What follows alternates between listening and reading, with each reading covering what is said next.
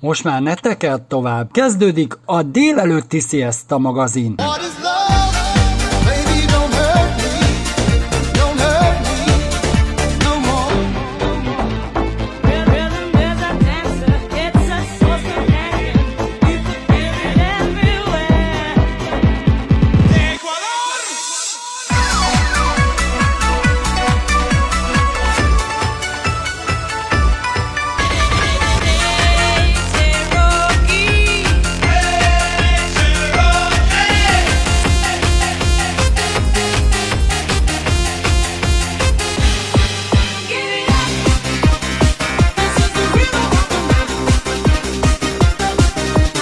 a legjobb slágerek.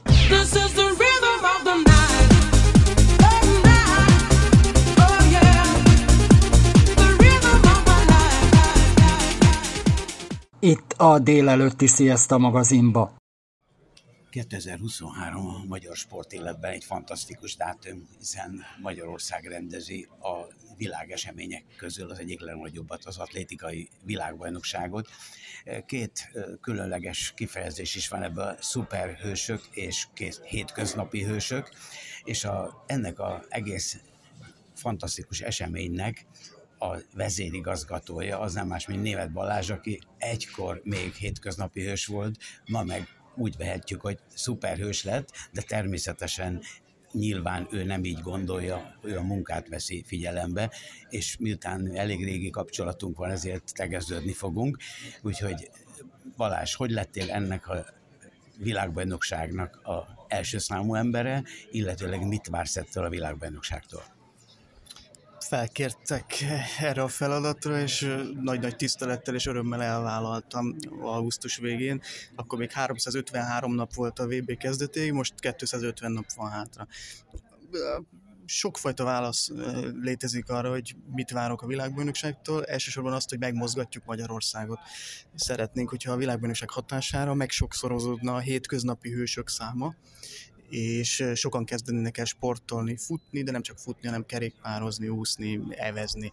Mindenki, aki hétköznapi hősé válik, ő kedvezményt kap tőlünk, és féláron juthat be, és nézheti meg a szuperhősöket a Nemzeti Atlétikai Központban fantasztikus nagy sportolók várhatók ide, már most a sajtótájékoztatón is a várható szuperhősök közül néhányat bemutattatok. Kik lesznek tervek szerint, vagy elképzelések szerint valószínűleg ennek az eseménynek a résztvevői?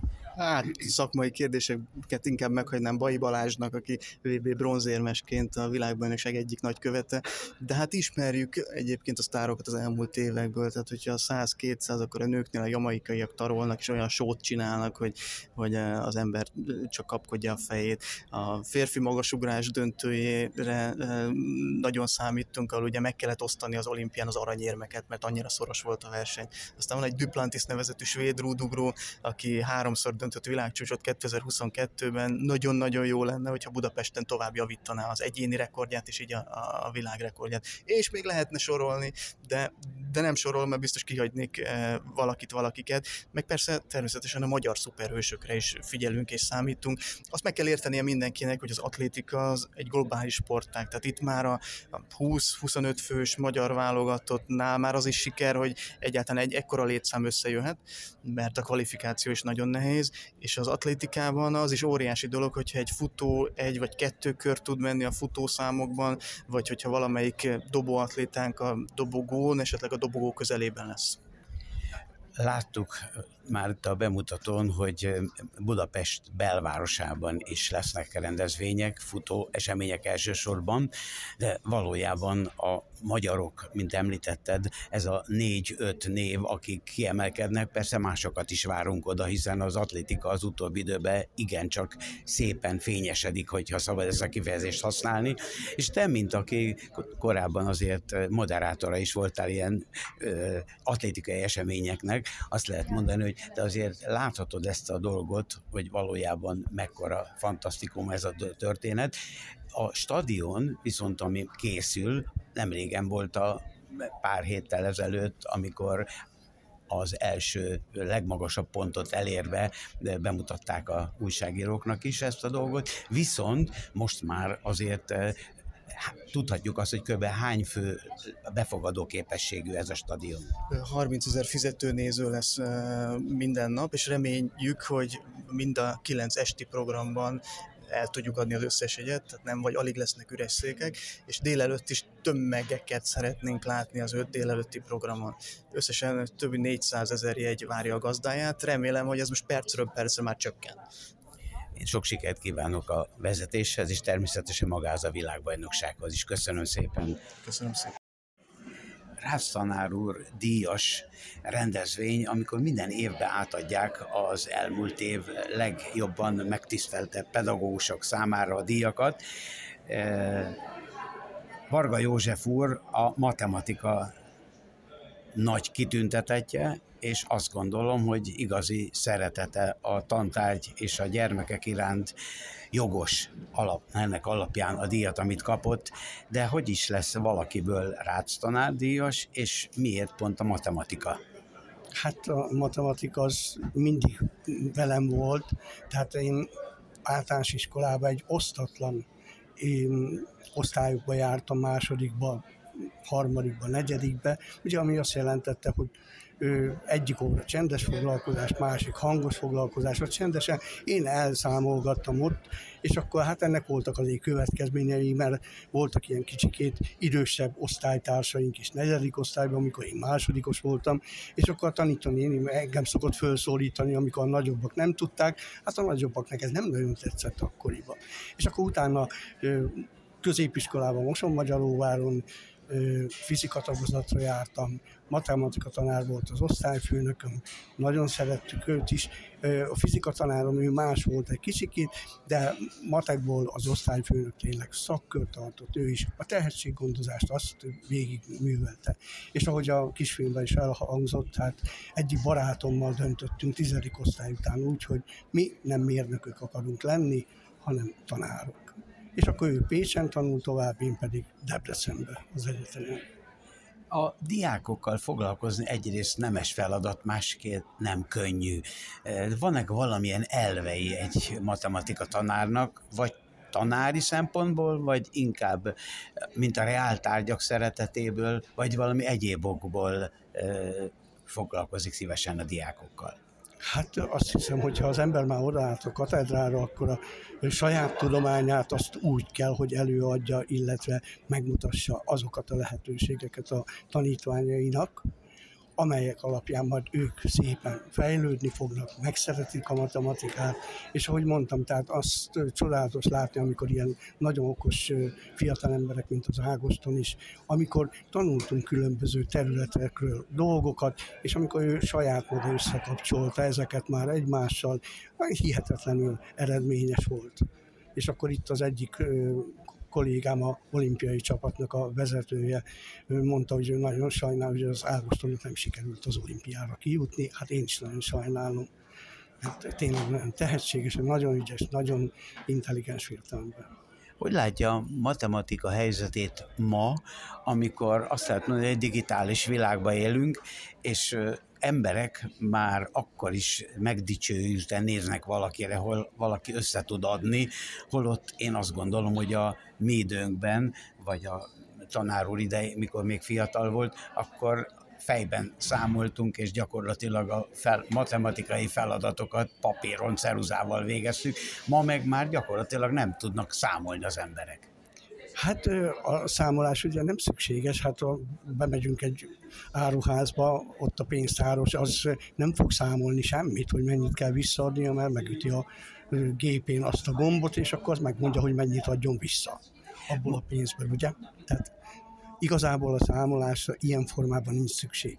De az a matematika az azért nem erről szól, úgy gondolom, és a digitális világban a számítógépek csak segítik azokat a gondolatokat, illetve sejtéseket, amit az ember megérez, megfogalmaz, hogy az tényleg úgy van, és akkor utána a bizonyítás az már a gondolati úton következik, illetve a gazdasági pénzügyi biztosítási világot tekintve a matematikai modellek nélkül ezek nem működnének úgy, ahogy működnek. Nem azt mondom, hogy ez gyakori eset, de én Amerikában jó néhány évvel ezelőtt jártam, és így, ahogy mondja a tanár úr, hogy a gépek összeadják meg, bemegyünk egy boltba, és akkor a, számít, a maga a pénztárgép megmondja, igen, csak elromlott a pénztárgép, és gyakorlatilag sorba álltunk. Tudom, hogy nem mindennapos dolog ez, és akkor mondták, hogy várni kell. Én meg oda mentem, és mondtam, hogy ennyit fizetek, 5 dollár 26, és rám néztek, és azt mondták nekem, hogy ez milyen zseni, ez honnan tudja? Hát mondom, be, egyszerűen összeadtam, és néztek rám, mint borja az új kapura, hogy valaki hogy tud összeadni. Ezért kérdeztem valójában, hogy e felé haladunk, tehát gépek nélkül akkor gyakorlatilag tudatlanok vagyunk. Hát nem tudom, hogy azok maradunk-e.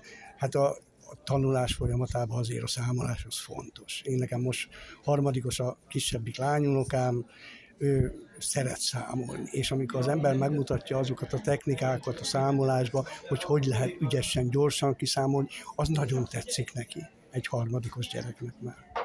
Én nagy rajongója vagyok egyébként a matematikának, és tudom, hogy a gömb térfogatával érettségiztem valamikor hajdanában, de azóta még soha senki nem kérdezte meg tőlem, és semmilyen területen, hogy ezt hogy kell kiszámítani.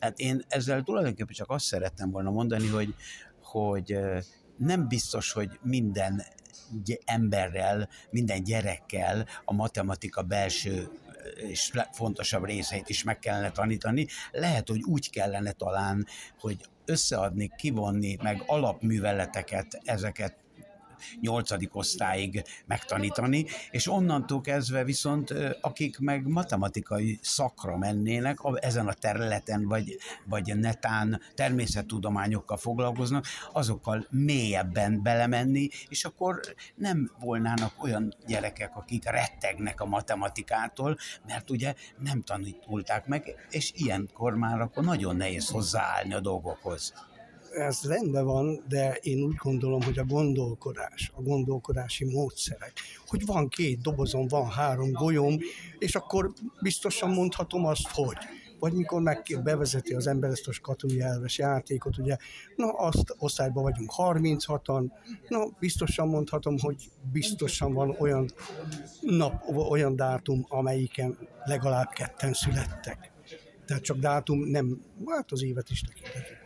Szóval a gondolkodási módszer sokkal, de sokkal fontosabb. Annak mi, arra mindenkinek szüksége van. Teljesen mindegy, hogy kémi, vagy vegyész lesz majd belőle, de ahogy mondtam, a kisfilmben benne volt, hogy a jogászok is.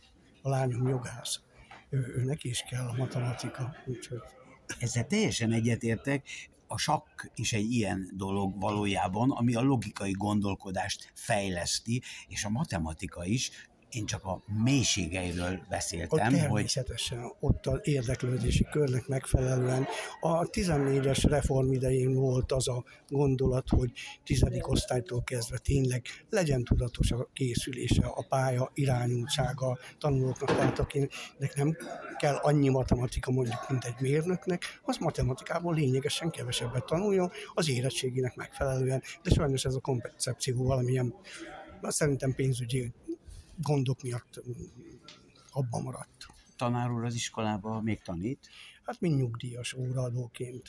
És hogy látja a jövő generációját? És hát az iskolát? Én, én összesen 22 gyereket tanítok jelen pillanatban. A iskolával kapcsolatban, hogy jeleztem, tehát a jelen pillanatbeli társadalmi jogi ö, környezetben ezek a ö, oktatáshoz kapcsolódó oktatáspolitikai döntések, ahogy említettem. Tehát az nem normális, hogy egy tanulónak, egy gyereknek 16-17 évesen van 34-36 órája, mikor 40 órás egy munkahét nálunk, akkor még ahhoz mennyit kell őnek önállóan dolgozni. És amit említettem, tehát amihez a tanulónak kedve lenne, amire szeretne még időt áldozni, arra már nem jut. Ezt onnan tudom, mert hát régebben a városi szakkörben voltak 15-en a városból, most jelen pillanatban igazából be se tudott indulni már a 10-es, 11-es szakkör. Tanár úrnak a, egyes kollégáktól aki szintén Rász tanárdíjasok lettek, hallottuk, hogy még mindig úgy kell készülni, és természetesen én is így szoktam egy órára készülni, hogy vázlat alapján, és ugye sokszor egy gyakorló tanár óra közben is eldobja a vázlatát, normálisan, és annak megfelelően az óra menetét tartja, ami éppen kialakult. A nem jó tanár véleményem szerint, aki meg ragaszkodik ahhoz, Igen, amit... Én nem szoktam ragaszkodni ahhoz, hogy pontosan mi történik, mert hogyha mondjuk egy tanulóm hoz valamilyen érdekes problémát, ami ahhoz kapcsolódik, akkor ki kell térni, és akkor azzal kell foglalkozni, ami őket érdekli. Ahogy elnézem és elhallgatom tanárurat, szintén úgy gondolkodik, mint többen itt, meg jó magam is, hogy a diák az az egyik feladata, hogyha valamit nem ért, akkor az felteszi kérdésnek. Viszont sok pedagógus talán reményem, hogy itt, itt nem volt olyan, aki azt mondja, hogy miért nem figyelsz, fiam, és a gyerekek leszoknak a kérésekről, csak az ilyen speciális rácszanárdíjas tanároknál mernek kérdezni. És alapvető dolgot mondhatok? Tehát még kisiskolás korban, amikor hiányoznak a gyerekek, mondjuk törtekkel való műveleteket tanulták, és hiányzott két hetet vagy három hetet, és ő se jelzi, a tanár se veszi észre, hogy ennek a gyereknek ez hiányzik, majd későbbiek során két, három hónap múlva, vagy esetleg vannak olyan területek, amikor két év múlva jön elő, hogy ő azt mondja, hogy nem érti, és azt tényleg nem fogja már érteni, mert az alapok azok teljesen hiányoznak. Szóval a tanárnak erre is oda kell figyelni, hogy a gyerekeket segítse, hogy ne legyen alap hiányos a tudásuk. Én azt gondolom, hogy egy Rácz tanár díj az a tanárok, pedagógusok, inkább úgy mondom, pedagógusok részére egy majdnem úgy maximál díj, tehát a legjobb, vagy főleg a természettudományok oktatói részére. Én kívánok még nagyon hosszú és egészséges életet, pályafutást és nagyon sok jó tanulót. Köszönöm szépen! A Nemzetközi Gyermekmentő Szolgálat ismét egy nagyszerű rendezvény, karácsony a gyermekek segít, megsegítésére. Ismételte itt a West End moziba volt, és Edvi Péter elnök úr elmondja valójában, hogy ez milyen hányadik alkalommal, illetve milyen gyerekek és mennyien voltak itt.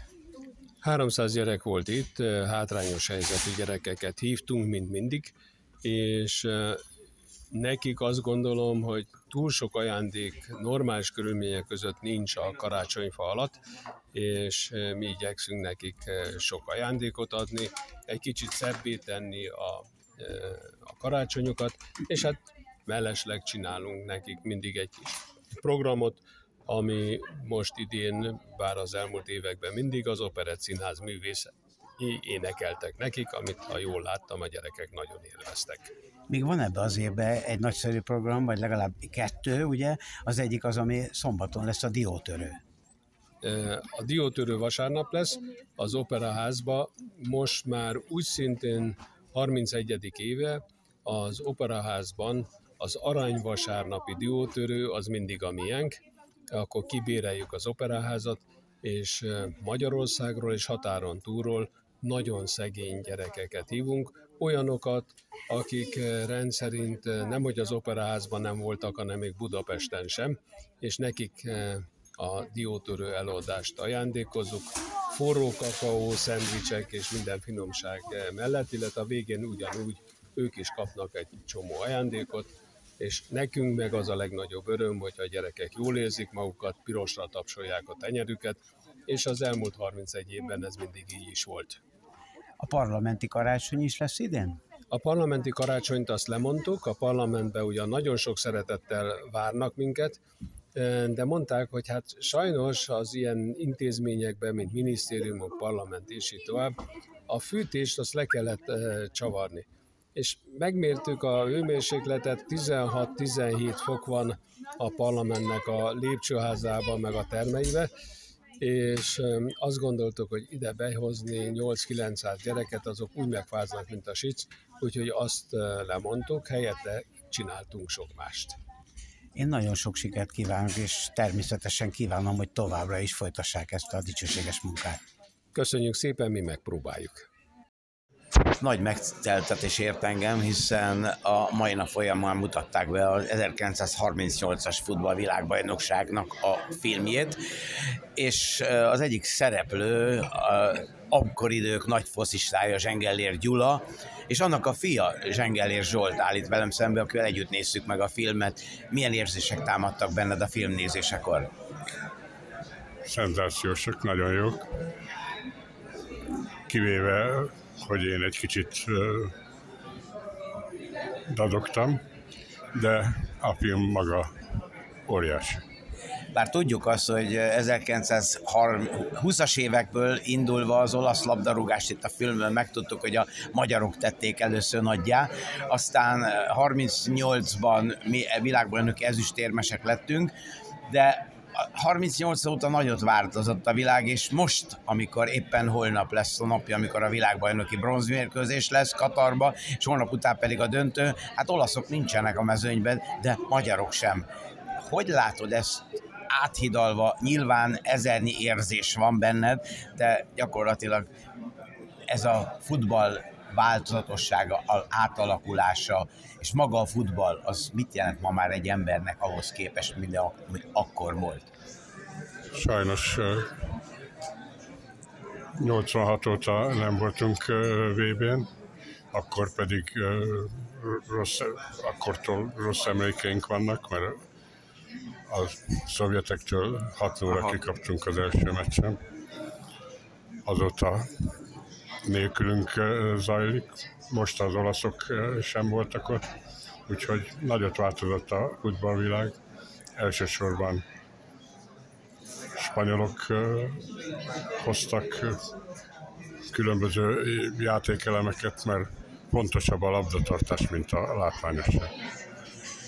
Azt lehet mondani, hogy, hogy a, az akkori labdarúgásban is voltak kitűnőségek, és tényleg nagyon jó játékosok. Mi a véleményed, ami filmben elhangzott, hogy Sárosi nem akart játszani, és két magyar éljátékos viszont kimaradt a kezdő csapatból? Nem csak kettő, hanem három, tulajdonképpen a Korányival együtt három, de ő sérültet jelentett, ő, ő is pradista volt, tehát a Toldi miatt nem játszott a, a tulajdonképpen a, a svédek elleni 5-1-es győztes csapatnak a tengelye. És a többiek játszottak, az apám nagyon jó viszonyban, barátságban volt a Vince Jenővel, meg a Szűcs Gyurival is, mert az Új, Újpesten csapattársak voltak, de véleménye szerint ők nem számítottak arra, hogy játszhatnak a, a döntőben, és e, emiatt inkább kártyáztak, mint sem, hogy edzettek volna. Nagyon érdekes egyébként az összehasonlítás, ugye most megbeszéltük arról, hogy 38-ban ilyen dolgok voltak, és 54-ben is hasonló dolgok voltak a döntőben, amikor meg a németektől kaptunk ki valami hasonló formában. Hát igen, a németeket 8-3-ra legyőztük a csoportban, majd a döntőben kikaptunk tőlük, de hát szerintem a Sebes sem volt teljesen őszinte, mert sok mindent megengedett a, a csapattagoknak, amit az előző éjszaka, amit nem, nem, nem lett volna szabad. Mondtuk, hogy 20-as években magyar edzők járták Olaszországot, most viszont a magyar válogatott szövetségkapitánya Márko Rossi, ez most hogy tekintendő, ez visszakapjuk a segítséget? Lehetséges, de Rossi, a Márko Rossi nagyszerű edző, már a Honvédnál is bizonyított, most pedig amit művel a válogatottal, az szinte maga a csoda. Édesapád emlékével és az ő pályafutásával mennyire tudsz a mai nap is foglalkozni? Olykor, olykor szóba kerül, akkor megteszem az észrevételeket. Egyébként ő mindig is óvott tőle, hogy én nyilatkozzak az ő nevében. Úgyhogy amikor, amikor képesportnál fölkért az új vezető, hogy csináljak egy anyagot vele, akkor úgy egyeztünk meg, hogy nem vállalom. Hogy látod a magyar bajnokságot 12 csapattal? Hát jobb lenne, hogyha legalább 16 lenne, de gondolom, hogy, hogy az MLS-nél is gondolkoznak ezen, hogy megoldják. A világ futballjában most bekerült a legjobb négy közé két olyan csapat, mondjuk a Marokko az egyik, aki igazából még afrikai csapat soha nem került be. Ebbe a mezőnybe azért a döntőbe Brazíliát várta szerintem a félvilág, attól eltekintve természetesen, hogy a horvátok egy elég nagyszerű csapattal rendelkeznek, de hát azért és kiverték Brazíliát, ez, ez nagy meglepetés. Hát azt, hogy már Argentinától kikaptak, az már én szerintem, de kíváncsi vagyok a véleményedre, az már sokkal reálisabb.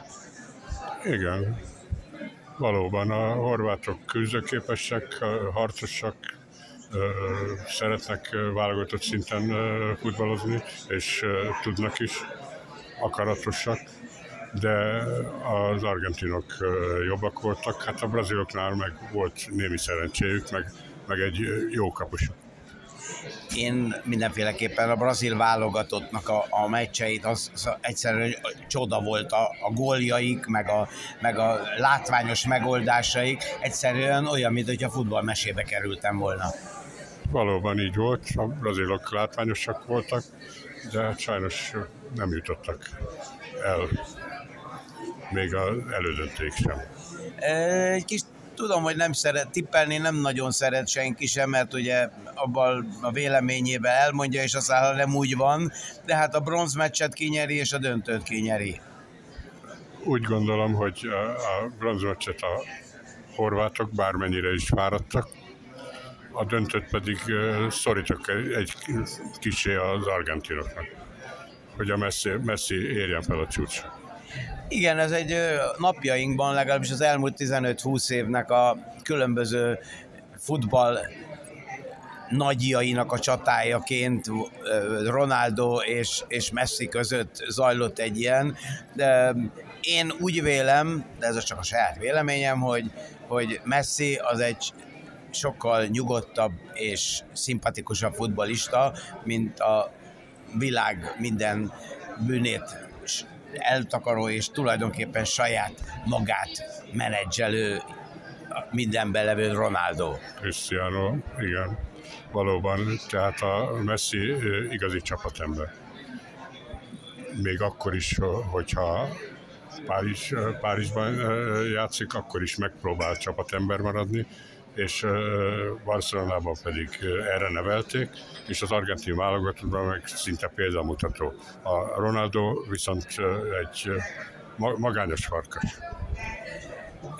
Te, aki labdarúgó is voltál, és tulajdonképpen én azt a fotballcsapatot még igazából nem nagyon láttam, amiben apukád játszott, de a, az a Újpest, amelyikbe a Bene Dunai kettő, Faszekas, Göröcs és a többiek játszottak, azt hiszem, hogy az, az a csapat is még annál többet is megérdemelt volna, és abban az időszakban is még lehetett volna, hát a 60-as években is a, a Brazíliát megvertük, és akár kis szerencsével, akkor tulajdonképpen még ott lehetünk volna a legjobb négy között, vagy akár döntősök is lehetünk volna. A 62-es VB is bal szerencsés Chile. volt. Csillében nem adtak, nem adtak meg a, a, egy igazi gólt, a, a, mint a Tigri Lajos szerzett, és 66-ban pedig parádés játékkal az egyik kedvencem az összes VB meccs között a, a a 3-1-es győzelem, ahol a, ahol a Bene, Bene is, meg a Farkas is, meg a Mésző is kitett magáért, meg a többi játékos is. Igen, hát sajnos ezek a, a nagyjaink közül elegre tobban elmennek, hát én Mészői Kálmán nagyon jó barátom volt, mondhatom így, ő egy csupa szívember volt, független attól, hogy milyen heves, meg milyen mérsékletű volt, de hát ugye sajnos ez a vég mindenki utol ér, és nem is ők szenvednek, hanem mink szenvedünk attól, hogy ők elmentek. Hogy érzed ezt a dolgot, hogy a mai fotball válogatottban kik, mert ugye Szalai abba hagyta, ő egy nagyszerű csapatkapitány volt, és nem tudom, hogy ez mennyit jelent negatívumban a válogatottnál. Hiányzik a Szalai Ádám mindenféleképpen, mert az öltözőben is volt szava, meg a pályán is hallgattak rá, és a tudásához mérten megpróbált mindig bizonyítani. Úgyhogy remélem, hogy a Szobosztai Dominik egy óriási karrier előtt áll. Én azt és a válogatott, is, a válogatott is képes lehet a Márko Rosszival sikerekre. Igen, én is így látom ezt a dolgot, főleg úgy, hogy a föld alól most az utóbbi pár hónapban, vagy egy pár évben fiatal tehetségek, 10, 20, 10 és 20 körülötti fiatal tehetségek, Angliából, Hollandiából, Németországból, meg a Schäferről is azelőtt nem lehetett hallani, és egy, egy csomó ilyen név, a Nobel, és, és így tovább. Ezek a fiatalok megadhatják egy következő nagyobb generációnak az alapjait, ha sikerül együtt tartani őket. Igen, valóban. Egyetértek. Még annyit szeretem volna tudni, hogy egy volt labdarúgó, egy újságíró karácsonyi ünnepek előtt mivel tölti a idejét, milyen, milyen öröm, milyen családi, milyen egyéb örömök várnak. Hugommal karácsonyozunk, és németkéren élek a, a feleségemmel, és ott minden egyes nap, amikor előfizetem a nemzeti sportot, és minden egyes nap, amikor meghozzák az újságomat, akkor a hardi csárdát én nyitom ki, mert megkaptam a kulcsot, és ott mélyedek el a, a labdarúgás világában, és hogyha bejön egy vendég, akkor szívesen kiszolgálom. Ez hol van ez a csárda? Hardon, németkér mellett, ez Pakstól kb. 10 valány kilométerre, ez egy falusi hely. Tulajdonképpen az még egy ilyen kérdésem volna, hogy még írsz néha, hogyha meg felkérnek-e bármilyen fajta újságírói tevékenységet, még szívesen elvállalsz-e? Így van, így van. Én akkor nem, nem tudok mást ajánlani, mint nagyon boldog 2023-at, sikerekben gazdagot a magyar labdarúgásnak, neked pedig jó egészséget kívánok. Nagyon szépen köszönöm. Boldog viszont új eszem. Viszont kívánok. A műsorunk együttműködő partnerei a segítő kutyánkat, szépségét és kikapcsolódását a Dogmopolite segíti. Dogmopolite, kutyapanzió, kutyakozmetika, kutyasétáltatás, aktív napközés, kutyakigépzés felsőfokon. Műsorunk támogatója az Ukkó Hungary Kft. Ukkó teja, a folyékony egészség. Önök a Sziasztő magazin műsorát hallották. Műsorunkkal legközelebb jövő héten szombaton találkozhatnak velünk ugyanezen a frekvencián. Munkatársaink voltak Bratkó József szerkesztő, műsorvezető, Bratkóné Földesi Ágota szerkesztő, Juhász Tímea, Molnár Erika, Rajecki Gabriella, Rákos Gábor, Tarcsi Géza. Műsorunkat megtalálják a Facebook közösségi portálon, míg riportjainkat Spotify, Google Podcast, Breaker Podcast, Anchor FM Podcast kínálatában is elérhető. Tartsanak velünk legközelebb is!